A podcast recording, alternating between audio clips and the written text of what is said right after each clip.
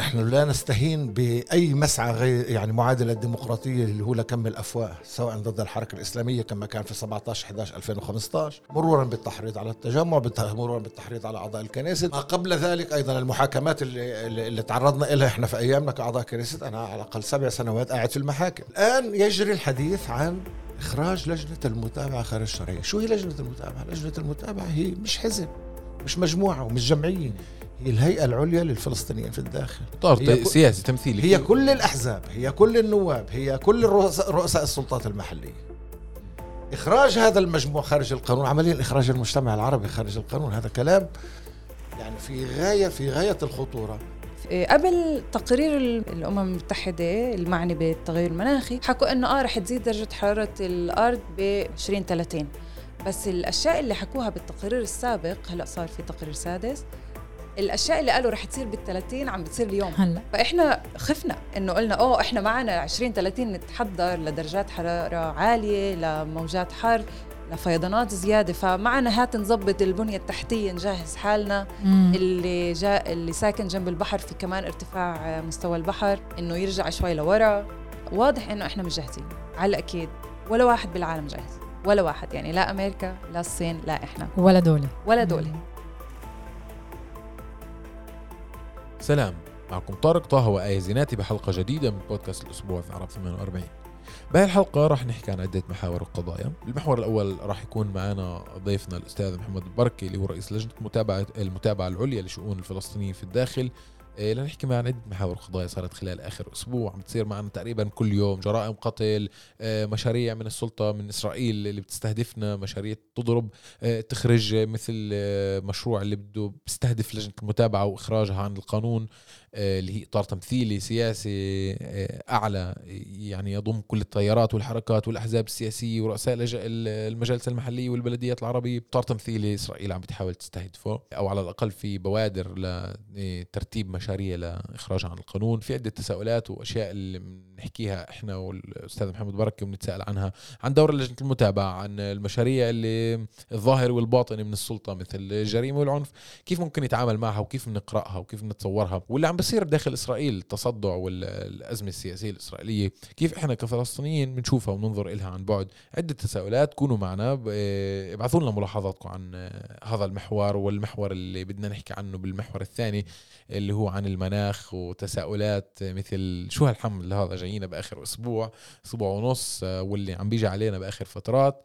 آه راح تكون معنا ألاء عبيد آه المختصة بقضايا المناخ وشؤون البيئة. راح تحورها الزميلة آية زيناتي. آه برضو بهمنا ملاحظاتكم وتعليقاتكم عن هذا المحور. آه وأعطونا تعليقكم على حلقات سابقة ومقترحات لحلقات مقبلة. آه اللي بشوف إنه الحلقة مهمة وبعتقد إنها مهمة آه يبعثها لاصدقائه يسمعوها وكونوا معنا.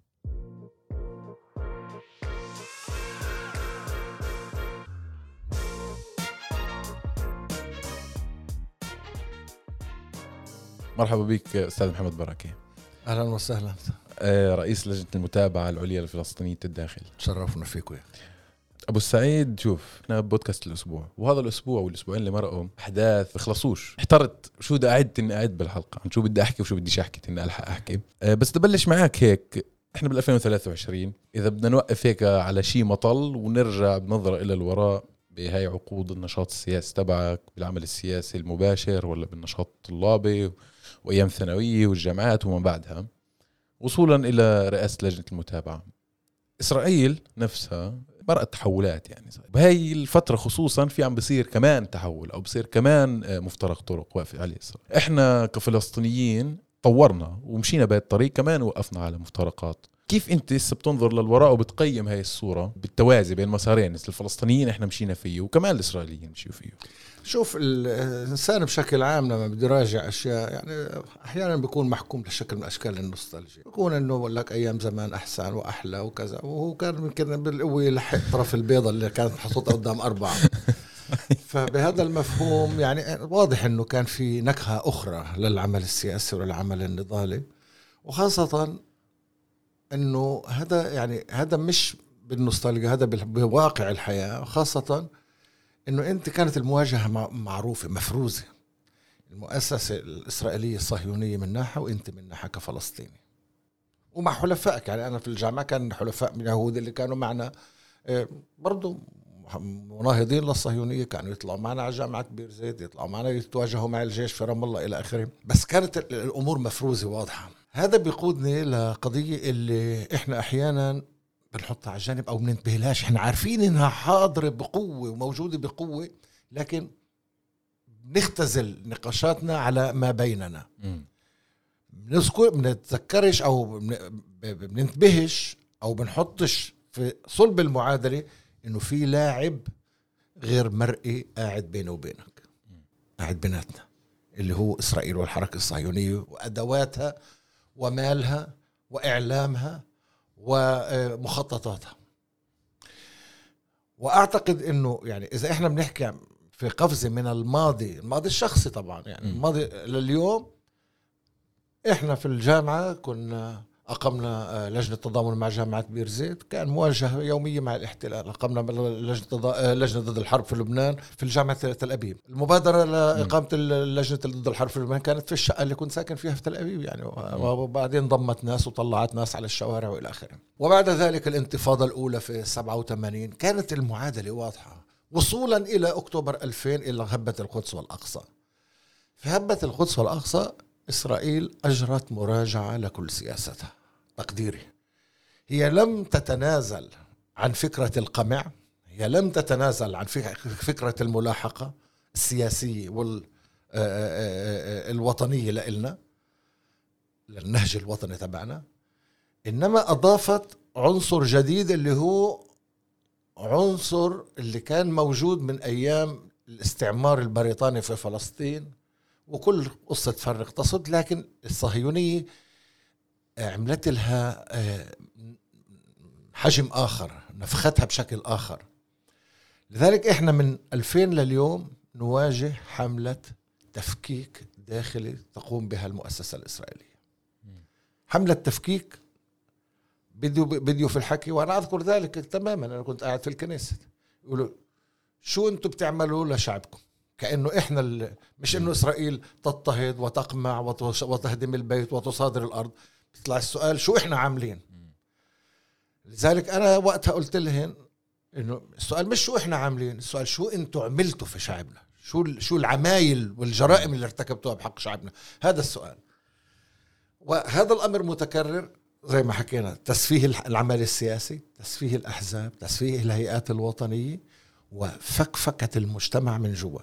يعني فيما مضى من أيام الحكم العسكري كان فرق تسد عائلات وطوائف هنا وهناك يعني مناوشات لكن هذا أخذ شكل آخر وصولا إلى الشكل الأعلى إجرام الأكثر إجرامية اللي هو نشر عصابات الإجرام في مجتمعنا من أجل تفكيك مجتمعي. يعني شوف إحنا قاعدين اليوم الخميس امبارح كان في اجتياح لنابلس وكان في شهيد وكان في جرحى قبلها في جنين.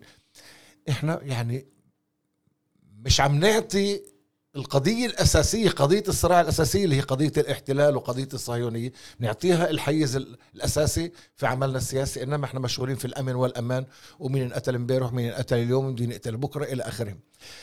فهذا موضوع اللي أنا بتأمل إنه كل إنسان يعني مسكون بالهاجس الوطني وبقول لك وبالهاجس الاجتماعي حتى لسلامة المجتمع يجب أن لا ينسى للحظة أنه في لاعب مركزي على الساحة اللي بتخصنا اللي هو يسعى إلى عملية التفكيك الشاملة.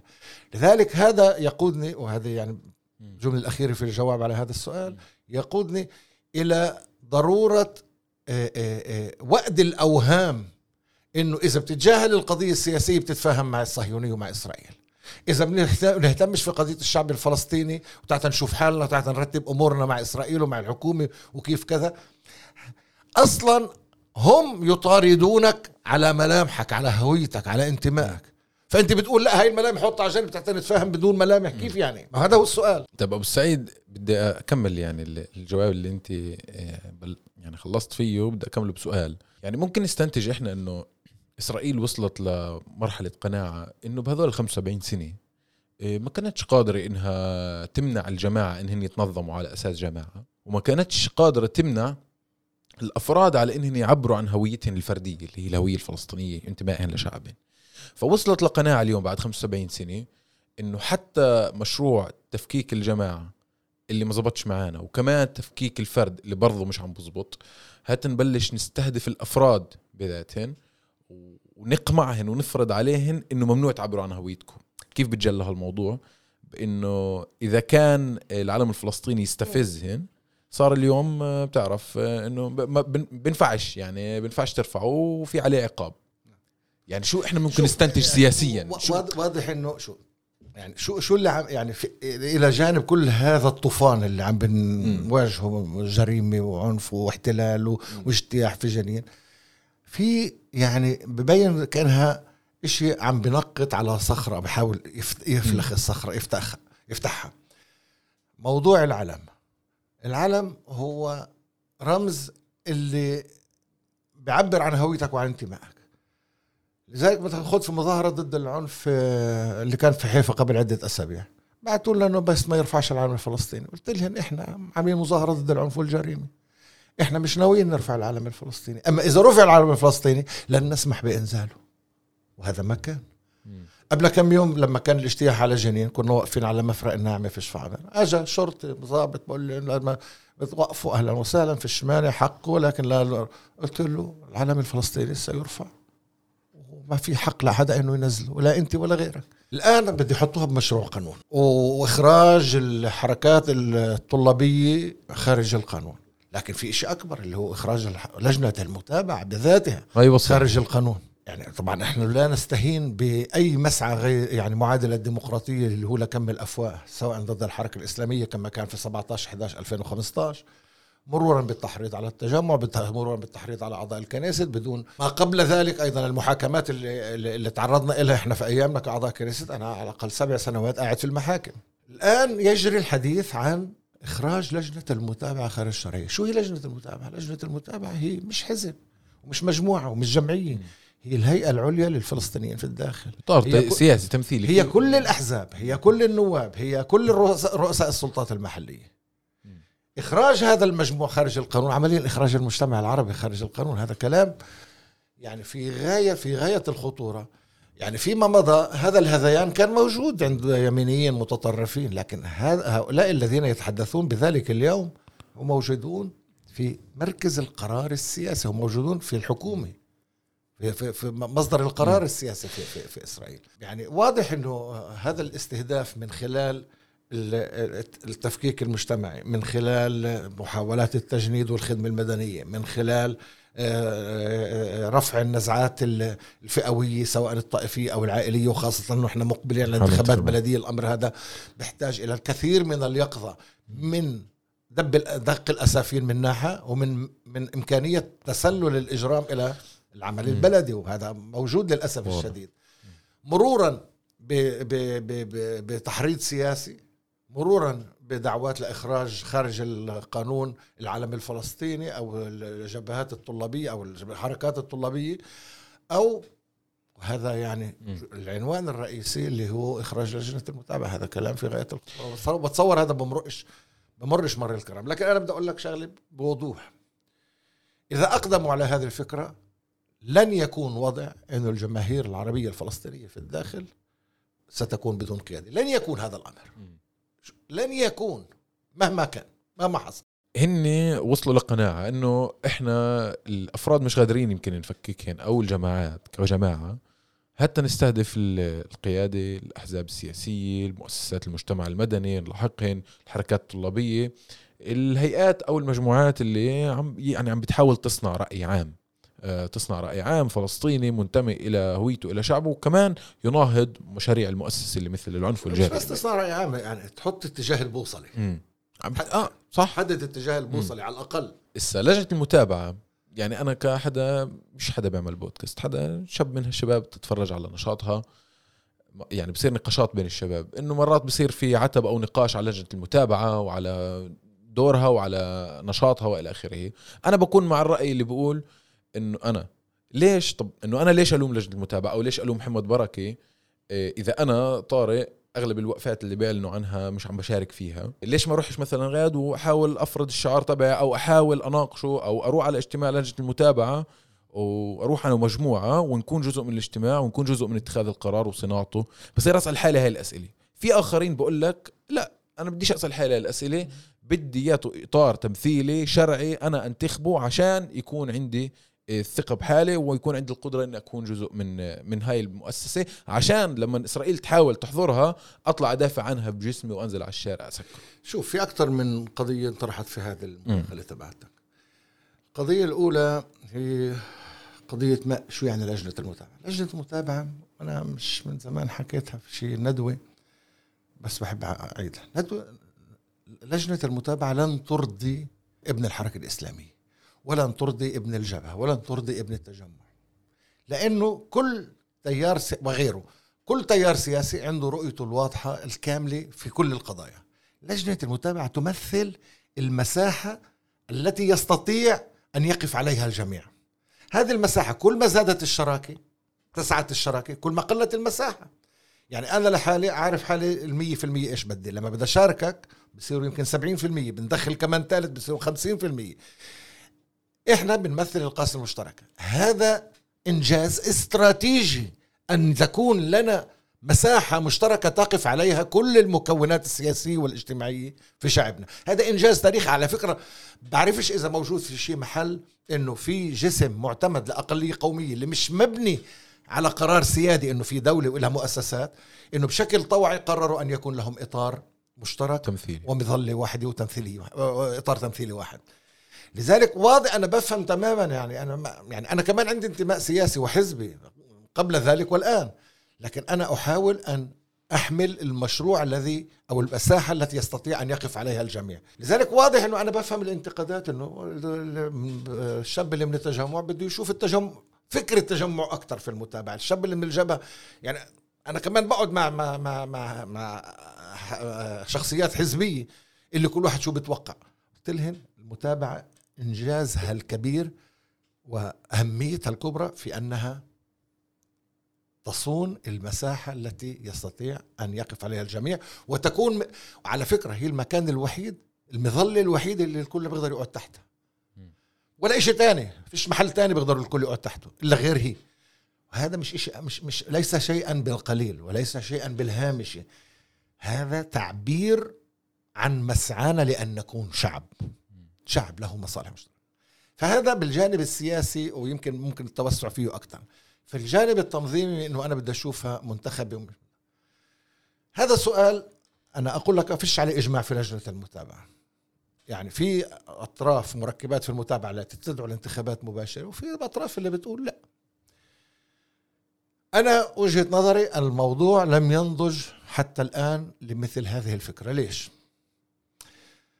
اولا انت بدك تحافظ على هذه الهيئة حسب وفق الثوابت الوطنية. طيب. هل إذا بدك تعمل انتخابات بدك تقول بس اللي عنده فكر وطني أو ينتمي إلى حزب وطني يستطيع أن يصوت لهذه الهيئة ولا كمان الناس اللي بايدوا حمائليات وأحزاب صهيونية اللي حق التصويت؟ واحد. اللي حق التصويت. ها؟ اللي حق التصويت. لذلك هل أنت بدك يعني بدك الاتساع الديمقراطي المفتوح ولا بدك هيئة اللي تكون متمسكة بالثوابت الوطنية ومش مفتوحة على تحريفات وكذا. الأمر الآخر واللي هو اللي ممكن يأثر على الأمر الأول. في غياب دولة راعية في غياب تمويل منظم لعملية الانتخاب. ما هو دور رأس المال في الموضوع؟ كيف تجري الانتخابات؟ هل اللي معاه مصاري بينزل قائمة ولا الأمر الثالث القضية الجهوية. هل يجوز أن تخوض الانتخابات قوائم لها طابع طائفي أو لها طابع منطقة أو لها طابع؟ في أسئلة من هون لآخر الدنيا. لذلك نحن الآن مجمعون بما في ذلك اللي بأيدوا الذهاب إلى الانتخابات. بقولوا إحنا بدنا انتخابات لكن نحن لا نفرط في لجنة المتابعة. الآن هذا الوضع إحنا نريد هيئة تمثيلية وحدوية وطنية تستند إلى الثوابت ثوابت العمل الوطني. إحنا واجهنا سؤال صعب لما دخلت آه، الحركة القائمة الموحدة الحركة الإسلامية للحكومة للائتلاف الحاكم. هذا لم لم لم يحدث في تاريخ المجتمع العربي إنه مركب من مركبات المتابعة أو حزب عربي يدخل إلى ائتلاف ومنذ قامت المتابعة أحد مركباتها يكون ضمن الحكومة. طبعا إحنا نضالنا هو الأساس في مواجهة السياسة ومواجهة هذه الحكومة. وطلعت دعوات. وانت بتعرف. انه لا يجب إخراج الموحد. وأنا كان رأيي لا. رغم كل الانتقاد اللي عندي على دخول الحكومة لكن رأيت من المهم وأنا سعيد ان زملائي في لجنة المتابعة وافقوني في النهاية على ذلك الأمر الأساسي والمهم هو أن نحافظ على. هذه المظلة التي يستطيع أن يقف تحتها الجميع. ما يصيرش مساحات لا لا لا لا, لا زي ما صار في القائمة المشتركة حدا راح هون وحدا راح هون وعلى أشياء تافهة أحيانا اختلفوا للأسف الشديد. نحن أردنا أن نحكم أو نرجح قضية المظلة الجامعة. طب أبو سعيد بدنا نظلنا بلجنة المتابعة وهذا يعني هو محور مركزي ومهم باللقاء تبعنا. يعني إسرائيل ممكن تعادي شيء لما تشوف إنه بشكل خطر عليها. ومجرد مقترحات ومشاريع آه، متواصلة أو مؤخرا عم نشوف محاولات لحظر وإخراج أو المتابعة عن القانون. هذا بقول إنه المتابعة كهيئه استراتيجيا تشكل خطر على إسرائيل. خطر على تحدي يعني مش الخطر الوجودي بتحدي يعني تتحدى تتحدى هوية الدولة اللي تحاول تفرضها علينا. صحيح. لكن كمان مرة أنا بنظر إلى لجنة المتابعة تيسر أعمال الفلسطينيين بالداخل تواكب جدول أعمالهن تتابع آه، أحزانهم اطراحهم آه، تشاركهم نضالاتهم أو تصنع نضالاتهم أحيانا. يعني شو النكست موف إحنا شو كيف كجماعة بدنا نتصرف؟ خليني أقول لك. اولا أنا في كمالي للموضوع السابق بس هو مربوط في الموضوع هذا. كيف نتصرف كمتابعة يعني؟ واضح. بس أنا في الموضوع السابق حول المتابعة ومكانتها والمساحة المشتركة والانتخابات في لها كمان كمالي. أنا بعرف أيضا إنه في ناس اللي بينتقدوا المتابعة بإخلاص بإخلاص فعلا لأنه بدهن أكثر وهذا حكينا عنها لأنه شايف إنه هي لازم لازم تكون أكثر مع هذا البرنامج أكثر مع هذاك البرنامج إلى آخره. لكن في أوساط قليلة لكن ضجيجها كبير اللي هي تعتمد الثرثرة السلبية. شو الثرثرة السلبية؟ يعني بثرثوا حول إنه ليش هيك وليش مش هناك وليش مش كذا وليش طيب منيح. هو انت مش جاي لا على هاي ولا على هاي يعني من أجل تبرير أن لا تعمل شيء وأيضا هنالك قطاع ثالث من من اللي بينتقدوا وهم أيضا قلة ولكن بيض ضجيج عالي اللي هم هم يخدمون المشروع الصهيوني للتقليل من شأن لجنة المتابعة كإطار جامع. واضح إنه بهذا إحنا بنضع تحدي أمام المؤسسة وخطابها وأمام أهدافها. أهدافها المستقبل يعني مثلا انحكى قبل شوي وكان في تقرير فيها ارس حول عتيدنا. أيمن نشرنا عنه قبل سنتين لا وإحنا كمان في آه المتابعة صرنا أربع سنين نحكي في الموضوع طيب. ونحذر منه. لكن في ناس مش منتبه إنه في جمعيات أخرى مش عتيدنا مش محسوبة على اليمين محسوبة على ما يسمى المركز واليسار اللي هي تنشط في داخل مش تنشط في داخل مجتمعنا من أجل إنه يكون عندنا نضال ليت. حتى لما بناضلوا ضد العنف وهذا شيء جيد لكن هم يريدون أن يأخذوا الأمور إلى إلى إلى إلى سياق مدني إسرائيلي. السياق المدني فقط. إسرائيلي. السياق المدني الإسرائيلي بصير بعدين.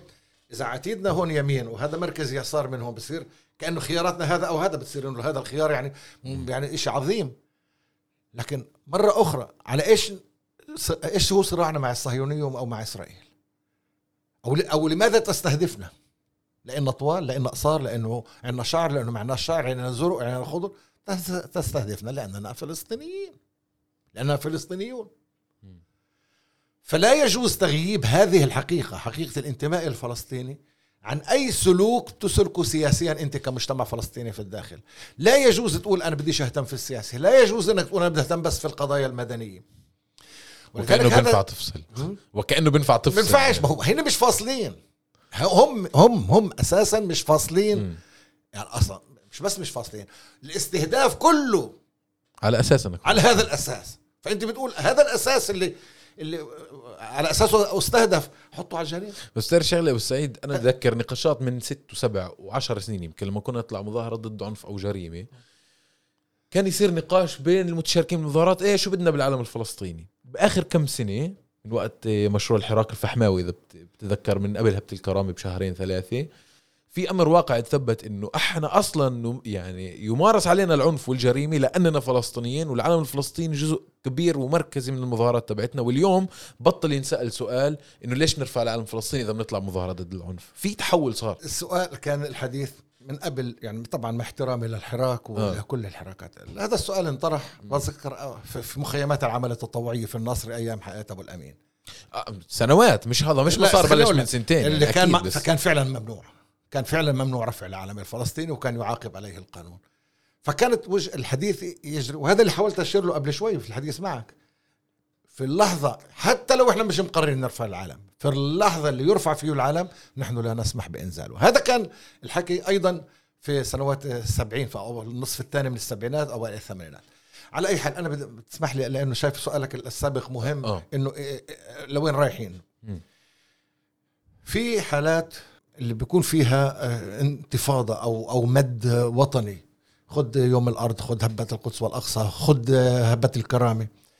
في لحظات اللي فيها في لحظات اللي لما في عاصفة عليك إنك تثبت جريك على المكان اللي أنت واقف فيه هذا بحد ذاته إنجاز. فما فيش إشي ميكانيكي في هذا الموضوع إنه إحنا يعني من خمس من سنتين ثلاثة إحنا لوين رايحين؟ تقدمنا؟ لا ما تقدم يمكن ما تقدمناش. لكن إحنا نحارب في في ظل عاصفة عاتية تطال بيوتنا وتطال أبنائنا. حتى هدول اللي بقول لك هدول مجرمين بقتلوا بعضهم وخليني اقتلوا بعضهم هدول أولادنا في الآخر. وهذا الجو ينعكس على حياتك وعلى حياتي وعلى ابني وعلى على على على, على أحفادي وإلى آخره. فاحنا ما بنقدر نقول في- ففي عواصف أو طوفان أو شيء اللي بيجي عليك أحيانا أن تتشبث بالموقف وأن لا تسمح بتغريب وجهك عن انتمائه. هذا بحد ذاته إنجاز. بدي نكمل موضوع العنف والجريمة. إحنا بواقع دولة يهودية آه، وديمقراطية. مواطنين فلسطينيين ولا الدولة تحتويهم من ناحية هوية. ولا ولا هم يعبروا عنها ولا هي تعبر عنهم. عندنا ضائقة العنف والجريمة والسكن وعدة قضايا يعني مختلفة لكن العنف والجريمة وصلنا اليوم بنص السنة 120 قتيل 120 ضحية. في ظل غياب الشرطة بس أنا بدي أزيد على غياب الشرطة إنه في تورط للشرطة بهذا المجال. واليوم صار في كثير نقاشات إنه الشرطة قديش هي مسؤولة قديش إحنا مسؤولين قديش يعني قديش المسؤوليات تتوزع على مين وكيف. يعني إحنا ما عندناش لا أجهزة أمن ولا أجهزة آه، حفظ أمان وفرض سيطرة. الدولة المفروض هي المحتكر الأساسي للقوة وتنظيم تنظيم أمور الناس. لكن في ظل واقع إنه هي مش معنية ومش ب... ومش بس مش معنية بدها إياك تكون هيك. إحنا كيف ممكن نبني هي منظومة الحصانه سؤال صعب بعرف يعني كثير ناس بتستصعب تجاوب عليه أو ما حداش يمكن بيعرف يجاوب عليه بشكل دقيق. بس شو الإشي اللي لازم نعمله إحنا؟ الحصانه الشعبية تبعتنا كيف. نمنع جريمة؟ إحنا بالآخر مجتمع مدني جمعيات مؤسسات أحزاب إعلام. شوف حقيقة هذا هو سؤال الأسئلة. واضح أنه الدولة متواطئة مع الجريمة ولها مصلحة. قبل عدة أيام نشر تقرير في الاتحاد جريدة الاتحاد حول الخارطة الجغرافية لضحايا العنف. المكان الأول مين؟ مصر. نصر يليها؟ رهات لا شفا عمر. آه صح بلد يليها شفا عمر. بعدين النقبة بعدين المدن التاريخية الساحلية آه، أم الفحم إلى آخره. خارطة الجريمة أو استفحال الجريمة هي خارطة المصالح الصهيونية. شو اللي بقصده؟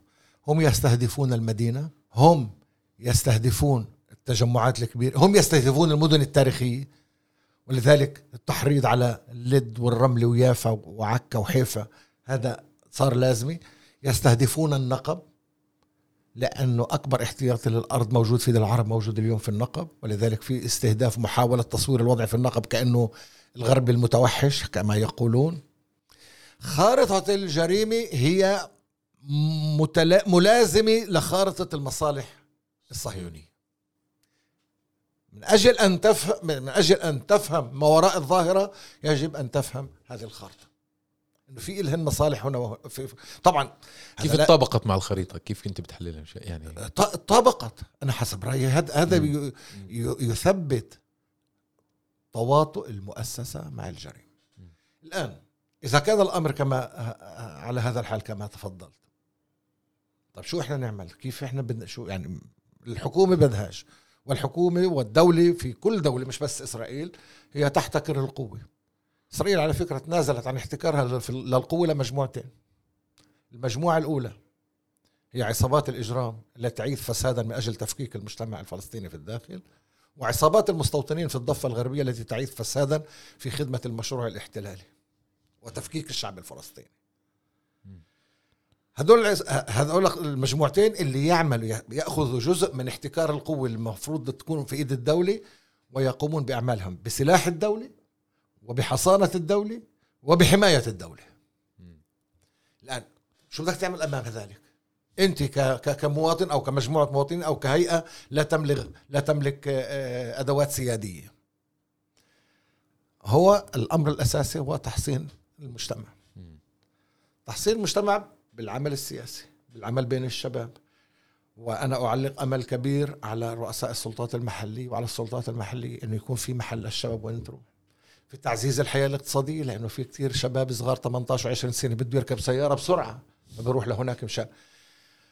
لكن أيضا وأنا لا أتردد في قول ذلك يجب إيجاد وسائل للحوار أو للتواصل بلاش الحوار. أو للمساءلة بلاش التواصل مع الناس المتورطين في هذا. في نهاية الأمر هم من أبناء شعبنا. في نهاية الأمر لهم أمهات ولهم آباء وفي مين يبكي عليهم ولما الواحد بقتل كمان ممكن ينقتل يعني. ممكن ينقتل ولكن هو سيعيش في ذعر. حياته مش حياة. واليوم مش بس حياته مش حياة حياة اللي حواليه مش حياة. وإحنا عم نشوف الاستهداف للدائرة الثانية والثالثة والرابعة. فمفروض يعني يكون في عقل اللي يحكي مع مع إحنا ماشيين في مشروع بقدرش أحكي كل تفاصيله الآن لكن بدون أدنى شك نحن نريد أن يكون شكل من أشكال تحمل المسؤولية أيضا عند هذه العناصر التي ضلت الطريق. مهم يعني كيف ممكن أنت يعني هيك مرات أنا بقعد أتخيلها إنه طب أنا بالبلد هاي عارف إنه في مشكلة بين هذول الشباب اثنين أو بين هذول المجموعتين والمشكلة على يمكن 200 ألف أو 300 ألف بعرفش قديش. إذا كنت بقدر أمنع الجريمة ب 300 ألف شيكل بدي أروح أنا و50 شخص نحاول نجمعهم مع بعض ونمنع جريمة القتل إحنا أقمنا في المتابعة مم. إطار اسمه لجان إفشاء السلام اللي على رأس الشيخ رائد. هي الفكرة بالأساس بالضبط إنه مم. إحنا نحاول نشخص وين في مشكلة ممكن تتفاقم إلى أمور لا تحمد عقباها ونجرب نحلها قبل وهم يقومون بدور ممتاز هذه اللجان تقوم بدور ممتاز يعني كان ممكن الوضع يكون أسوأ من هيك كمان لكن آه طبعا. مم. ممكن يكون أسوأ. لكن اللي تفضل يعني في نهايه الأمر إحنا مفروض نوصل لحل اللي أيضا يضمن آه، حياه حياه حياة حد أدنى طبيعيه في داخل المجتمع. يعني للي عم بيسمعونا.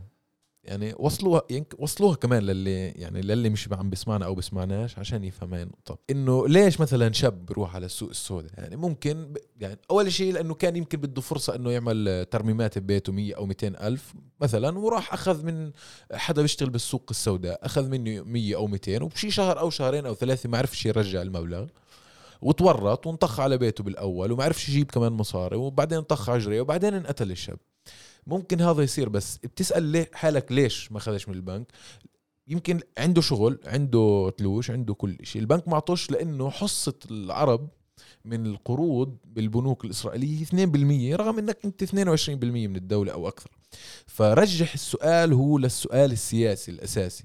ليش أنت بتأخذ 2% والباقي بأخذ 98% آه يعني في سؤالين هون في قضيتين. القضية الأولى هذا المفروض يكون موقف صارم وأنا أدعو لذلك بكل القوة. للشباب للصغار وللكبار حتى لو جعت حتى لو جعت حتى لو ما لقيتش كيس الحليب لابنك تروحش على السوق السوداء لأنه حق كيس الحليب هذا سعر كيس الحليب هذا قد يكلفك حياة ابنك حياتك أنت. أو تيتم ابنك. بعدين في أطر خير كثير كبيره حوالينا. مزبوط في الآخر يعني ما حداش راح يوصل لهنا حد لسه ما سمعناش عن شيء وصل له وبلاش يا سيدي تكون سيارة أنا عارف عرضها مش عارف قديش. صح. هذا السؤال الأول. السؤال الآخر هو كل ما يتعلق بمكانتنا في المعادلة الاقتصادية في في, في الدولة. في عندنا يعني نعمل بالتعاون مع المنتدى الاقتصادي العربي اللي يقف على رأسه الدكتور سامي معاري وهو توقف عند هذا الموضوع في مؤتمر عملناه في دير الأسد موضوع ال- سياسات البنوك في الشارع العربي قبل قبل حوالي سنة في دير الأسد. وأجا آه، محافظ بنك إسرائيل شخصيا أجا حضر الاجتماع وألقى محاضرة هناك. نحن نحاول أن نعالج الموضوع وندو نقول لك يعني بالإضافة إلى الجانب المدني بالإضافة إلى الجانب الوطني في في, في نشاطنا. أيضا نقول لهم إنه يعني ملكوش مصلحة في تهميش اقتصادي للمجتمع ملكوش إسرائيل ما لهاش مصلحة في هذا التهميش. يعني إذا في مساحة للنمو الاقتصادي في إسرائيل كمجتمع اقتصادي متطور نيوليبرالي المساحة هذه موجودة في الشارع العربي. إذا في مجال للنمو اقتصادي هي بالأساس لأنه في إشباع في عند اليهود في النمو. هو في الشارع العربي. وللأسف يعني سياسات البنوك هي آه، تدفع تدفع في بعض الناس إلى الجريمة. وهذا موضوع آه، إحنا حكينا فيه مع محافظ بنك إسرائيل وهو كان تعهد إنه يحكي مع البنوك آه، ويعطي تعليمات وتوجيهات بتامل إنه هذا الإشي يعني يأخذ مدى آخر.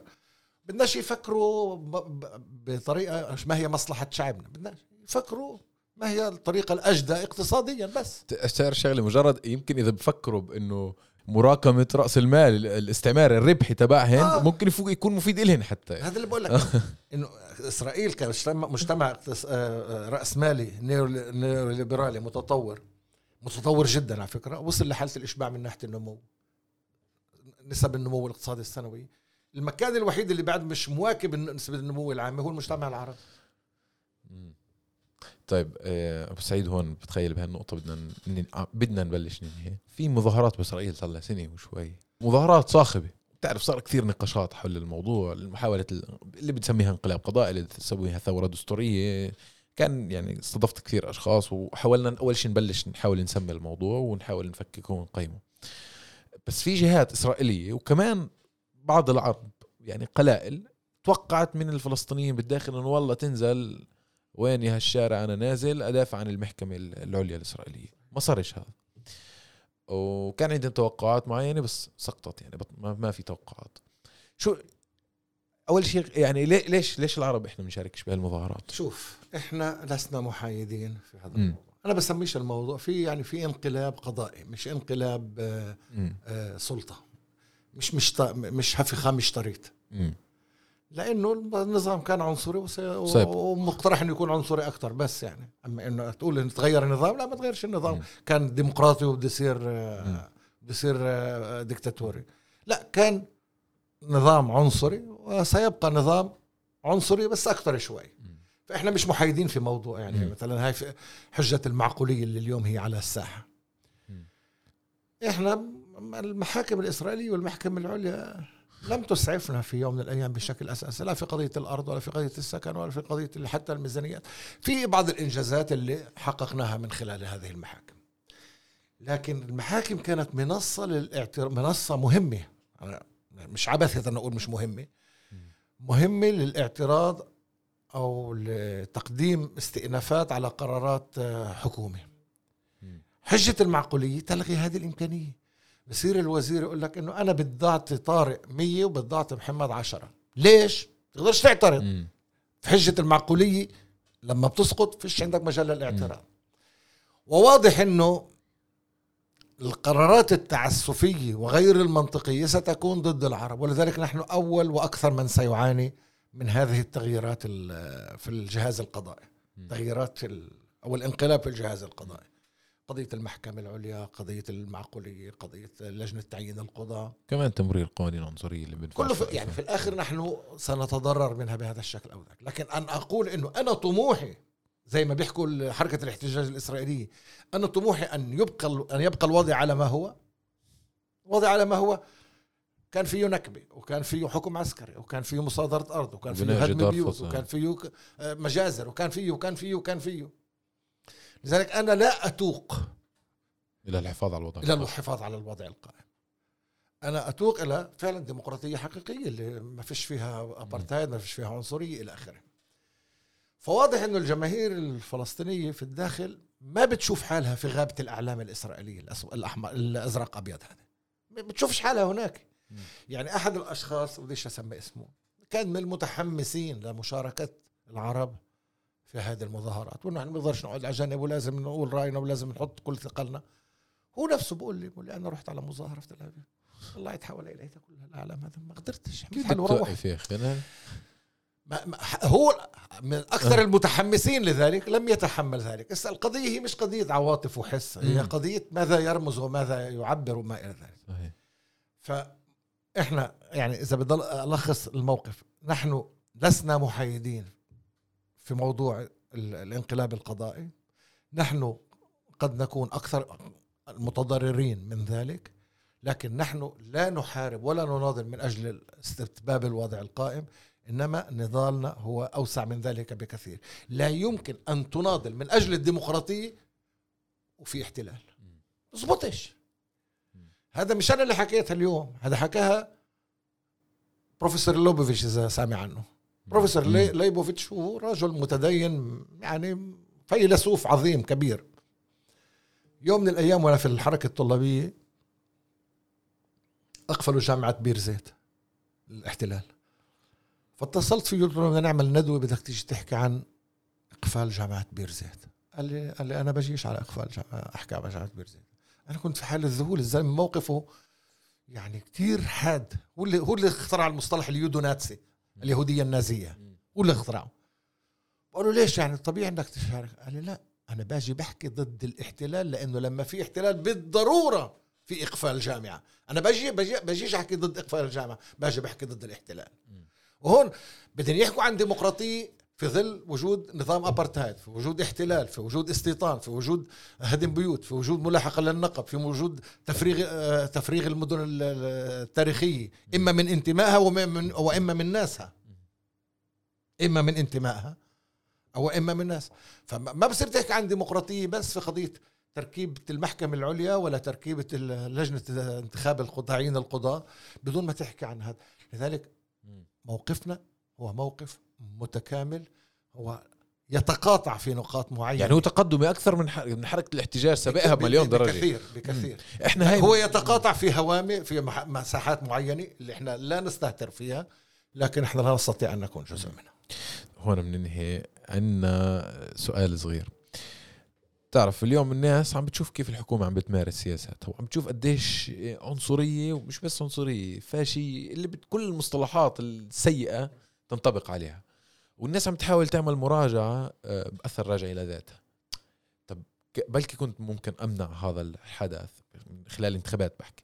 في ناس بتلوم الناس اللي ما صوتوش في ناس بتلوم آه، اللي انفصلوا عن بعض وكل واحد راح لحاله. في ناس بتقول يا الله لو هذول اخذ تجمع لو أخذوا لهم كمان 7 8000 صوت كان مرق وجبنا أربع اضواء وما شكلناش حكومة. بتحاول تعمل جلد ذاتي. بس أنا بدي أسألك هل إحنا جزء يعني جزء من مشكلة إنه المجتمع الإسرائيلي عم بيتجه نحو الفاشية واليمين، طب ما هو صح عنده حكومة 64 نتنياهو، بس هذاك يعني باقي ال 30 ولا ال 40 يعني شو هن كاينين آه، آه، مركز ويسار و وحمامة سلام؟ ما هن نفس, نفس الإشي نفس الخط يمين والمجتمع يتجه نحو ذلك. شوف يعني يعني عمين الحق؟ خل- والله خل-. خل- أنا- يعني أنا بذكر أنا ما كنتش معهن يومها. مرة طلع وفد من عندنا من الداخل على سوريا والتقى. بالرئيس حافظ الأسد. فأحد الأشخاص في الوفد بقول له يا سيادة الرئيس فيش فرق ليكود ولا معراخ ولا مش عارف شو؟ قال له لك ليش بتشتغلوا في السياسة. انت واجبك تعمق ال- التناقضات مش واجبك انك تتفرج على التناقضات وتقول كله نفس الشيء. في هذه الجزئية أنا بالنسبة لي واضح إنه إحنا في لنا مسار استراتيجي كفلسطينيين وكجزء من الشعب الفلسطيني. لكن نحن موجودين ضمن منظومة سياسية اللي هي من خلال في مساحة العمل السياسي في إسرائيل. نريد حقوقنا المدنية كاملة. نريد حقوقنا القومية كفلسطينيين كاملة. لن نقايض ولن نساوم. يعني في ناس اللي بقول لك آه، هاي إسرائيل وهي صهيونية وكذا وكذا إحنا بدناش حتى من حقوق مدنية. طب هذا الحقوق المدنيه ما هي جزء من جهاز المناعة مشان تقدر تناضل من أجل حقوقك القومية. وفي شيء اللي بقول لك بلاش نحكي في القضية القومية خلينا ندبر حالنا ونمشي حالنا. ناخذ لنا شوية ميزانيات كمان هذا بتصير إنسان بلا ملامح وبلا. وجه وإلى آخره كل. الحكي اللي حكينا الآن في في أزمة في إسرائيل أوكي في أزمة في إسرائيل حول القضايا اللي حكيناها موضوع الانقلاب القضائي وما إلى ذلك أو غيرها وهي أحيانا هي صراع بين الفئات والطبقات المهيمن على الهيمنة بين الطبقات. المختلفة مش بالضرورة م. هي صراع على بين آه، آه، الثورة التقدمية وبين الرجعية المظ- آه، المظلمة. مش بالضرورة مش مش مش بس مش بالضرورة هيك مش هيك الوضع. أنا في في هذه المعادلة بدي اقيم دوري إيش بدي أعمل؟ أنا بفهم إنه في قطاعات وموجودين في داخل المتابعة. اللي بقول لك إحنا بدناش نشارك في انتخابات الكنيسة لأنه إحنا ما بدنا نلتزم في هذا الشيء. أنا أحترمهم. لكن من يقول أنه لا يشارك لأسباب مبدئية أنا أحترم رأيه. لكن من لا يقول ذلك واجب أن يشارك بالشكل الأجدى الشكل م. الأفضل. تفكيك القائمه المشتركه كان خطأ جسيم. وأنا مش في صدد أقول هون المسؤولية كل واحد يتحمل مسؤولية. كله يتحمل مسؤولية. كانت إنجاز كبير وأنا أعتز في دوري في الخم- 2015 في في إنشائها وأعتز في دوري في إعادتها وأحزن جدا أنني لم أنجح طبعا مع آخرين في استعادتها وإنها فرطت. يعني حتى ال- الإخوان اللي موجودين في المتابعة والذين يعارضون الذهاب إلى الانتخابات يعارضون المشاركة كانوا يقولوا إحنا ملناش مصلحة في تفسخ القائمه المشتركه هذا موقف شهم. فيه شهامه وفيه نبل وطني. رغم مش من انه مصلحة حدا أكيد. طبعا. بس باخر فأنت بدك تشتغل في المعادلة وفق الأدوات الأفضل. واقول لك آه لا أنا بدي أكون في محل اللي اللا تبعتي آه تغير قرار حكومي اليوم أنا مش موجود في هذا الوضع. مش معناته لازم أكون جزء من الحكومة الثانية. بس لأنه صح. اللأ تبعتي يكون لها جزء من المكون السياسي. إحنا قبل سنوات حكينا جملة وبحب أعيدها كمان مرة. إحنا لا يمكن أن نكون جزء من أي قرار يت... من قرار حرب في إسرائيل أو قرار عنصري في إسرائيل لكن قرار للسلام لا يمكن أن يتحقق بدوننا. إحنا مش جزء من أي قرار حرب لكن قرار باتجاه, باتجاه تقدم نحو سلام أو نحو تفاهم أو تح... حوار مع الشعب الفلسطيني لا يمكن أن يكون بدوننا وممنوع إحنا نتطوع إنه نتنازل عن هذا الدور ونقول لهم لا خذوه ما أنتم زي بعضكم آه، يعني عليك وعليه. آه إحنا ما لناش دعوه نتفرج. اذهب أنت وربك وقاتله لا إحنا. إحنا هنا قاعدون بس قاعدون مناضلون. طيب أبو سعيد رئيس لجنة المتابعة الفلسطينية الداخل شكرا كثير على هالمداخلة وعلى هذا. الحوار يعطيك العافية ونأمل إنه يكون نهارنا سعيد وما يكون عندنا جرائم قتل يمرق هالنهار. كمان شوي في مظاهرة في الناصر. يعطيك العافية يعطيك العافية شكرا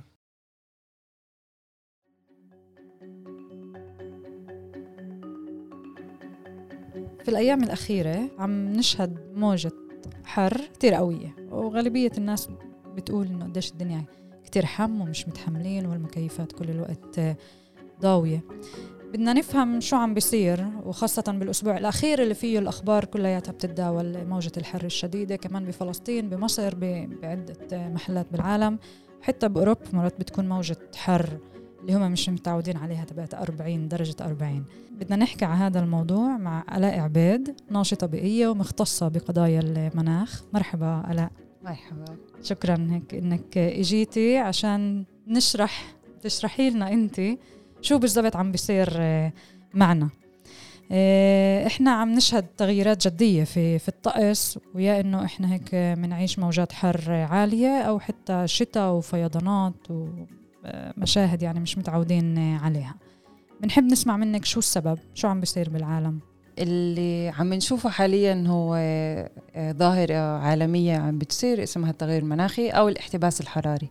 الاحتباس الحراري هي لما الحرارة جوا الأرض تضل تبقى لفترات أطول. عادة بصير في إطلاق الإشعاع بيجي على الأرض بضرب بسخنه بيطلع, من الغلاف الجوي تبعنا. بس الغلاف الجوي تبعنا صار في كتير ملوثات اللي بتخلي اللحم يبقى ويسخن مرة تانية. يضل بغلاف الجو يرجع يسخن الأرض ويطلع ل... لفوق للجو بس بيرجع مرة تانية يسخن فصار إشي زي مفهوم الدفيئة اللي هو آه عشان نزرع بندورة مثلا بحاجة مم، لحم مم. متواصل مم. فهو زي بيت بلاستيكي اللي. الملوثات آه، أو الانبعاثات بسموها من مم. ثاني أكسيد الكربون أو حرق آم، حرق الوقود الأحفوري بتضل بالجو تبعنا وبتحمي الكرة الأرضية مم. الحماية هاي بتسوي إشي اسمه تغير مناخي مش بس اللي هو ارتفاع درجات الحرارة بس اختلال بكل أنماط الطقس اللي بنعرفها. وعشان هيك مثلا فلسطين كان هذا الشتاء حكينا إنه ما فيش شتاء كفاية. صح فواحدة من الآثار للتغيرات المناخية زي ما قلنا هي مش بس ارتفاع درجات الحرارة في محلات في محلات تانية هي انخفاض درجات الحرارة. في محلات هو حبس الأمطار إنه بتبطل في بتصير في هطول أمطار لوقت طويل في محلات بتصير زيادة وعشان هيك بيؤدي أكيد لفيضانات. فإحنا بنحكي على إنه نظام أرضي واحد. يعني إحنا بنعيش في في كوكب إنه مش نفكر إنه اللي بصير عندنا ما له دخل شو بصير بالصين أو اللي بصير بأمريكا.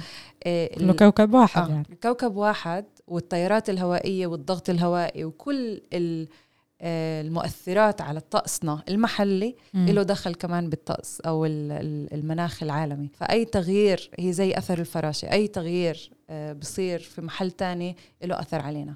شو كان الوضع يعني ما قبل؟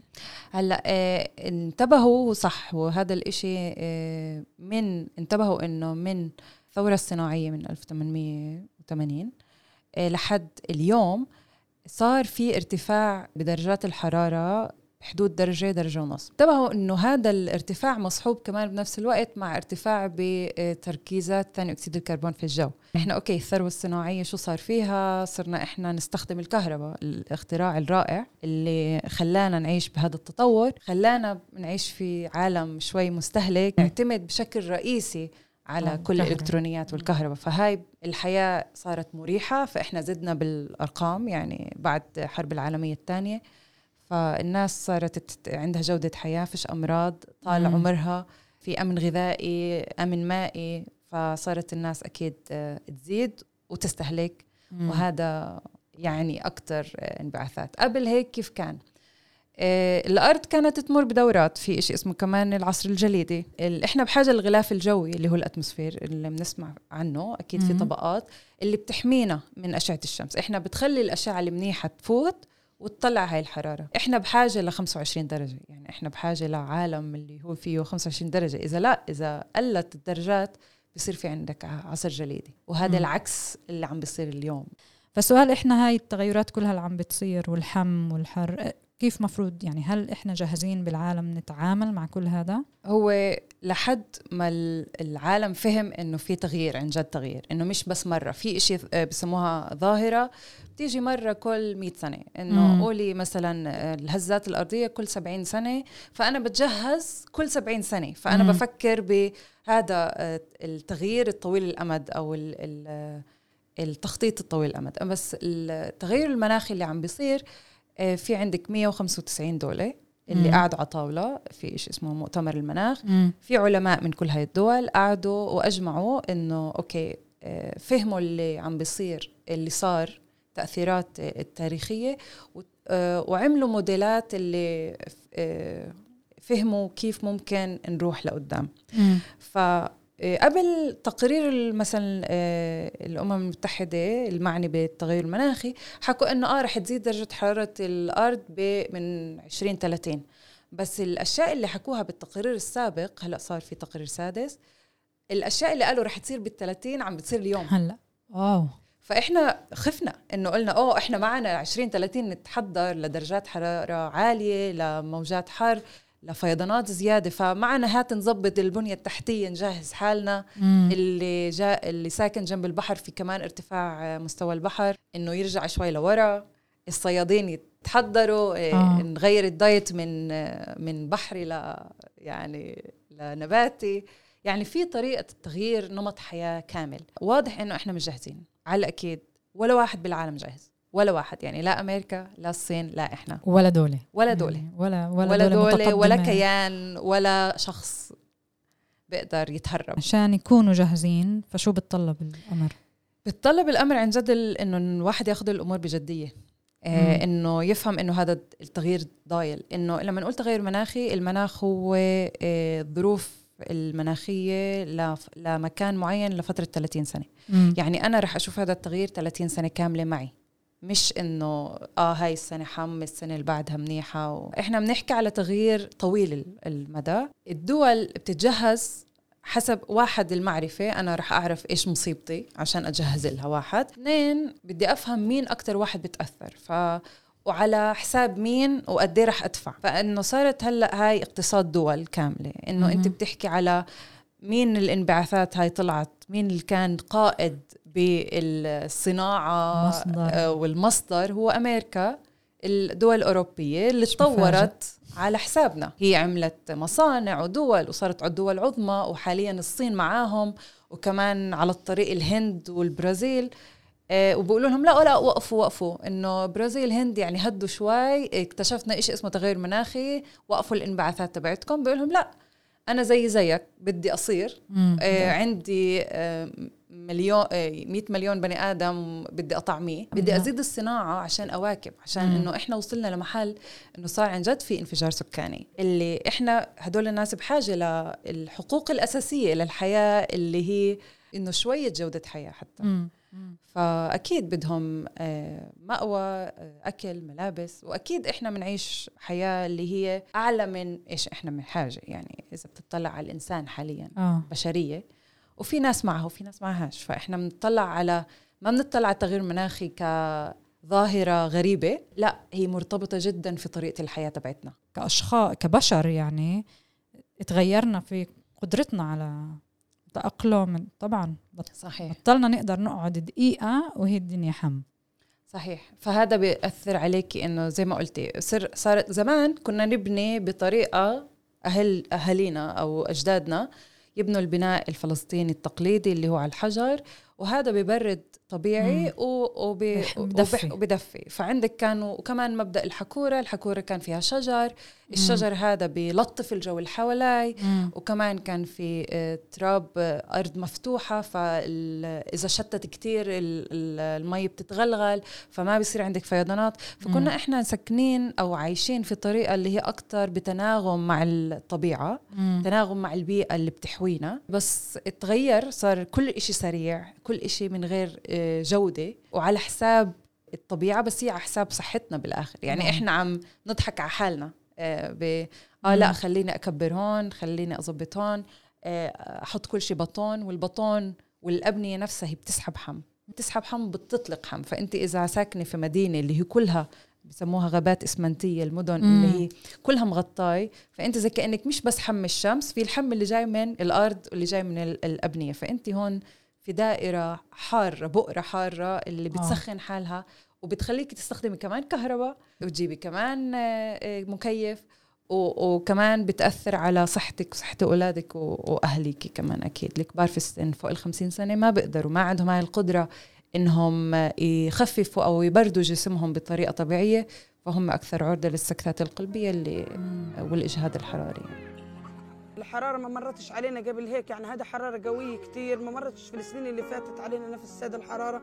من إيه إيه قوتها هذاك بتجينا زي ما انت شايف كارة بتيجي ست ساعات في في اليوم بنقدر بنقدرش اهوى على اولادي بس ثواني بهوى عليهم والله العظيم. ومن شدة الحرارة الدبان والبعوض والبراغيث أكلت والله العظيم الأولاد. بهمني أعرف أنت حكيتي إنه يعني كل شيء بيصير إحنا بنتاثر منه وإحنا مش منفصلين عن كل هذا الكوكب اللي هو عبارة عن كوكب واحد. فبهمني نعرف كيف فلسطين متأثرة من كل هذا يعني شو التغييرات المناخية العينية اللي فلسطين هلأ بتشهدها؟ أوكي. آه هاي واحدة ارتفاع درجات الحرارة بشكل مخيف. آه رح يصير في آه في مناطق رح يكون فيها آه أقل آه شتاء. فأنت بتقول إذا قل الشتاء بتقل المحصول الزراعي. أكيد إحنا كشعب كمان آه اللي أكتر كان هو فلاحي زراعي. طبعا. فكان هذا باخذ كتير جزء من هويتنا انه اللي إنه. الناس شفنا إحنا الناس صارت تترك الزراعة ولأسباب مختلفة هي اقتصادية وكمان هي لها دخل بالمناخ والمصادر الطبيعية. هذه تنين الثالث هو أكيد ال- التقلبات المناخية يعني إنه يكون في عندي جفاف بس فجأة تصير تشتي.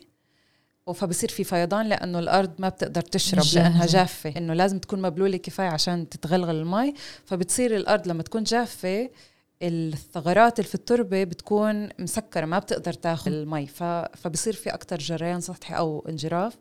وهاي واحدة من الأشياء. وما يعني هاي بصاحبها كتير مشاكل أخرى أكيد. انجراف تربة تصحر كل هاي الأشياء. وفي عندك مشكلة ارتفاع منسوب الب- البحر. فأي حدا اللي المجتمعات القليلة اللي ضلت الفلسطينية اللي في عكا و... تعتمد على البحر. آه آه، وجسر الزرقاء. آه وحيفا ويافا آه رح يتأثروا كتير. غزة. وغزة أكيد. آه، رح ي- ي- يتأثروا كتير من آه، ارتفاع درجات مش بس آه، ارتفاع مستوى سطح البحر كمان ارتفاع حرارة حرارة البحر. وهذا بيأثر على الثر... آه، الثروة الثروة البحرية. البحرية السمكية مم. وكمان آه، أمراض تانية رح يطلع كمان إذا بتشوفي قنديل البحر بيطلع كتير صار هاي الأيام. صح أبدر يعني صار بفترات أبكر أب- صح. صحيح. وعندنا بنفس الوقت المواسم. قالية صارت بطلت تبين يعني صارت طبعا من يعني من شتاء لصيف آه، من من يوم وليلة. وهدول كتير مهمين مش بس لجسمنا. هات نقول لجسمنا منيح عشان يتأقلم على ما يصير عنده زي شوك مفاجئ. عشان هيك بصير في زيادة بالأمراض. جسمك شوي شوي بيتأقلم من الفصول. وتاني إشي كمان مش بس إحنا الحيوانات والنباتات والنحل والحشرات اللي بتعمل لنا تلقيح للأكل مم. تبعنا فأنت عشان الخضار وعشان ال- النوار يزهر بده كمان درجات حرارة متوقعة مم. يعني أنت الربيع أنت بحاجة له عشان ينور عشان الثمر يطلع فأنت هون كمان مش بس إنه إحنا بنتأثر كمان غذائنا بتأثر لأنه الحشرات الناقلة والملقحات كمان هي بتتأثر كمان مم. النوار صار يطلع أبكر صحيح. بعدين تشتي فجأة وينزل النوار وما يضل اللي صح. إشي. فإحنا كمان كل ثمار ثمارنا كلها بتعتمد يعني سواء هي كانت الزيتون أو اللوز أو آه، يعني كل أنواع الأشجار المثمرة في فلسطين رح مم. تتأثر يعني. فهون عندك الزراعة بشكل كبير رح تتأثر مصادر المياه. إحنا هون في محل آه، تبعات آه، محل محتل. في محل مم. فيه كيان اللي هو ماسك كل مصادرك بيسيطر، عشان. بيسيطر على مصادرك عشان يمسكك انت يعني مم. تكوني حساسة أكثر له فهون بنحكي على كمان صراع على المصادر اللي هو زي كمان شو بصير بالأردن كيف إسرائيل ممكن تعمل معاهدة سلام عشان المي مم. فال... فالأردن تضطر آه، تعمل خطوة زي هاي فإحنا بنحكي على آه، مشكلة كبيرة يعني أزمة عالمية اللي ممكن الناس ينتفعوا منها كدولة زي هذا الكيان. هل بناء على الأبحاث والتقارير إحنا فعلا عم نعيش موجات حر شديدة اللي ولا مرة كان زيها؟ سؤال كتير منيح كتير بنسأل هذا السؤال ومش بس أنا وكل العلماء وأنا بدور على أبحاث عشان أقدر أجاوب هيك جواب. في إشي دراسة اسمها يعني ناخد إحنا 30 آخر 30 سنة لأنه قلت مم. المناخ هو بحدود 30 سنة بتشوفي كم من موجة حم كانت بالسنة مثلا كمعدل مم. هل موجات الحم هي بين شهر سبعة وتسعة ولا صارت بين خمسة وتسعة أو عشرة فبنطلع على هاي الترندز أو مم. الأنماط إذا بتش... في أشياء اسمها كمان خارج عن المألوف بتصير ال... بس هاي بتصير مرة بعشر سنين مش بتصير- استثنائي. استثنائي في في درجات استثنائية وموجات في سنوات يعني جفاف بسموها استثنائية وبيقول لك 84 إيه، بكل مزارع إذا سألتيه بيقول لك سنة ال 84 هيك صار صحيح. بالضبط لأنه نعم. هو بيعتمد إيه، يعني إذا ما عندك معلومات ومعطيات بتروحي بتسألي إنه المزارع هو بيقول لك سنة ال 84 سنة ال 89 هون هيك هيك زي صار لما كانوا يقولوا آه. سنه الثلجه آه بس سنة صح أنا مش صحيح. يعني لما صحيح. فهون بيقول لك إنه أوكي في كل عشر سنين إشي خارج عن المألوف بس هل هذا بيرجع؟ مم. إيه، على حاله. إحنا موجودين في أرض متوازنة عشان هيك إحنا قادرين نعيش على الأرض. الأرض مم. كوكب الأرض هو الوحيد اللي حاليا بنعرف إنه فيه حياة. مم. هو لأنه في عنا نظام اللي بنقدر نعتمد عليه. بس حاليا النظام تبعنا بطلنا نقدر نعتمد عليه. صار صار هلأ في عنا بصحى زي لعبة فيديو بتطلع من هون بيجيك من هون سيارة هون تجيك آه، يعني أشياء غير لا معروف. متوقعة آه. لا معروف وهي بتخوف كتير. بس موجات الحر اللي عم بتصير هي كانت ولكن زادت. مم. زادت بحدتها. زمان كانت ثلاثة أيام. آه، صارت هلأ أسبوع. كانت قبل آه، مثلا بالصبح مش بالليل صار هلأ عنا مثلا أكثر من وحدة بتعيد على حالها. بنقول زادت شدتها ووتيرتها. فهاي. لما إحنا بنقول إنه زادت شدتها ووت- وترتها فشو المؤشرات بتقولنا عن المستقبل؟ شو رح يصير فينا؟ أي طقس رح ن...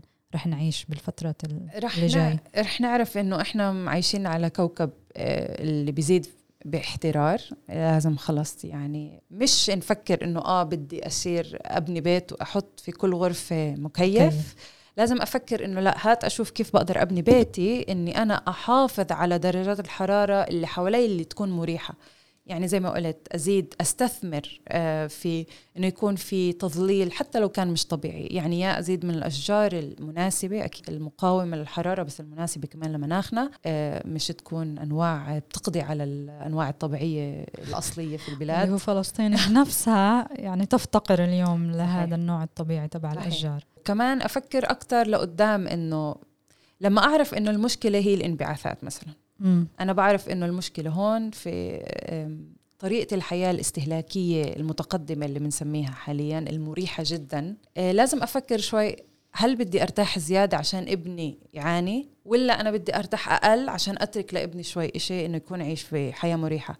هذا إنه أترك له مصاري بالبنك مش حتنفعه.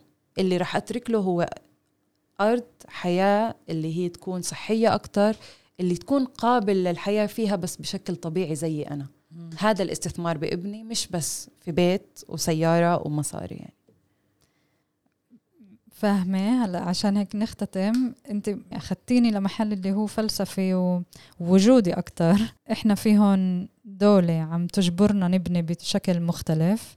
عم بتصادر الأراضي ما ضل بعرفش إذا رح يقدر يضل في أراضي لأولادنا نعط- يعني نخلي لهم إياهم غالبية المهجرين طبعا من زمان خسروا الأراضي واللي بعد عندهم أراضي بعرفش قديش رح يضل فهو كمان يعني إشي بتعلق بالأنظمة صحيح. اللي هي عم بتسيطر على حياتنا قديش إحنا بنقدر نخلي لأطفالنا وطفلاتنا ونحاول عن جد نخفف من الأزمة وما نزيدها لأنه إحنا أنا- لاعب إحنا يعني صحيح. إحنا لاعب آه، اللي ال- آه، القضية اللي أثرتيها حاليا هي اسمها العدالة العدالة المناخية.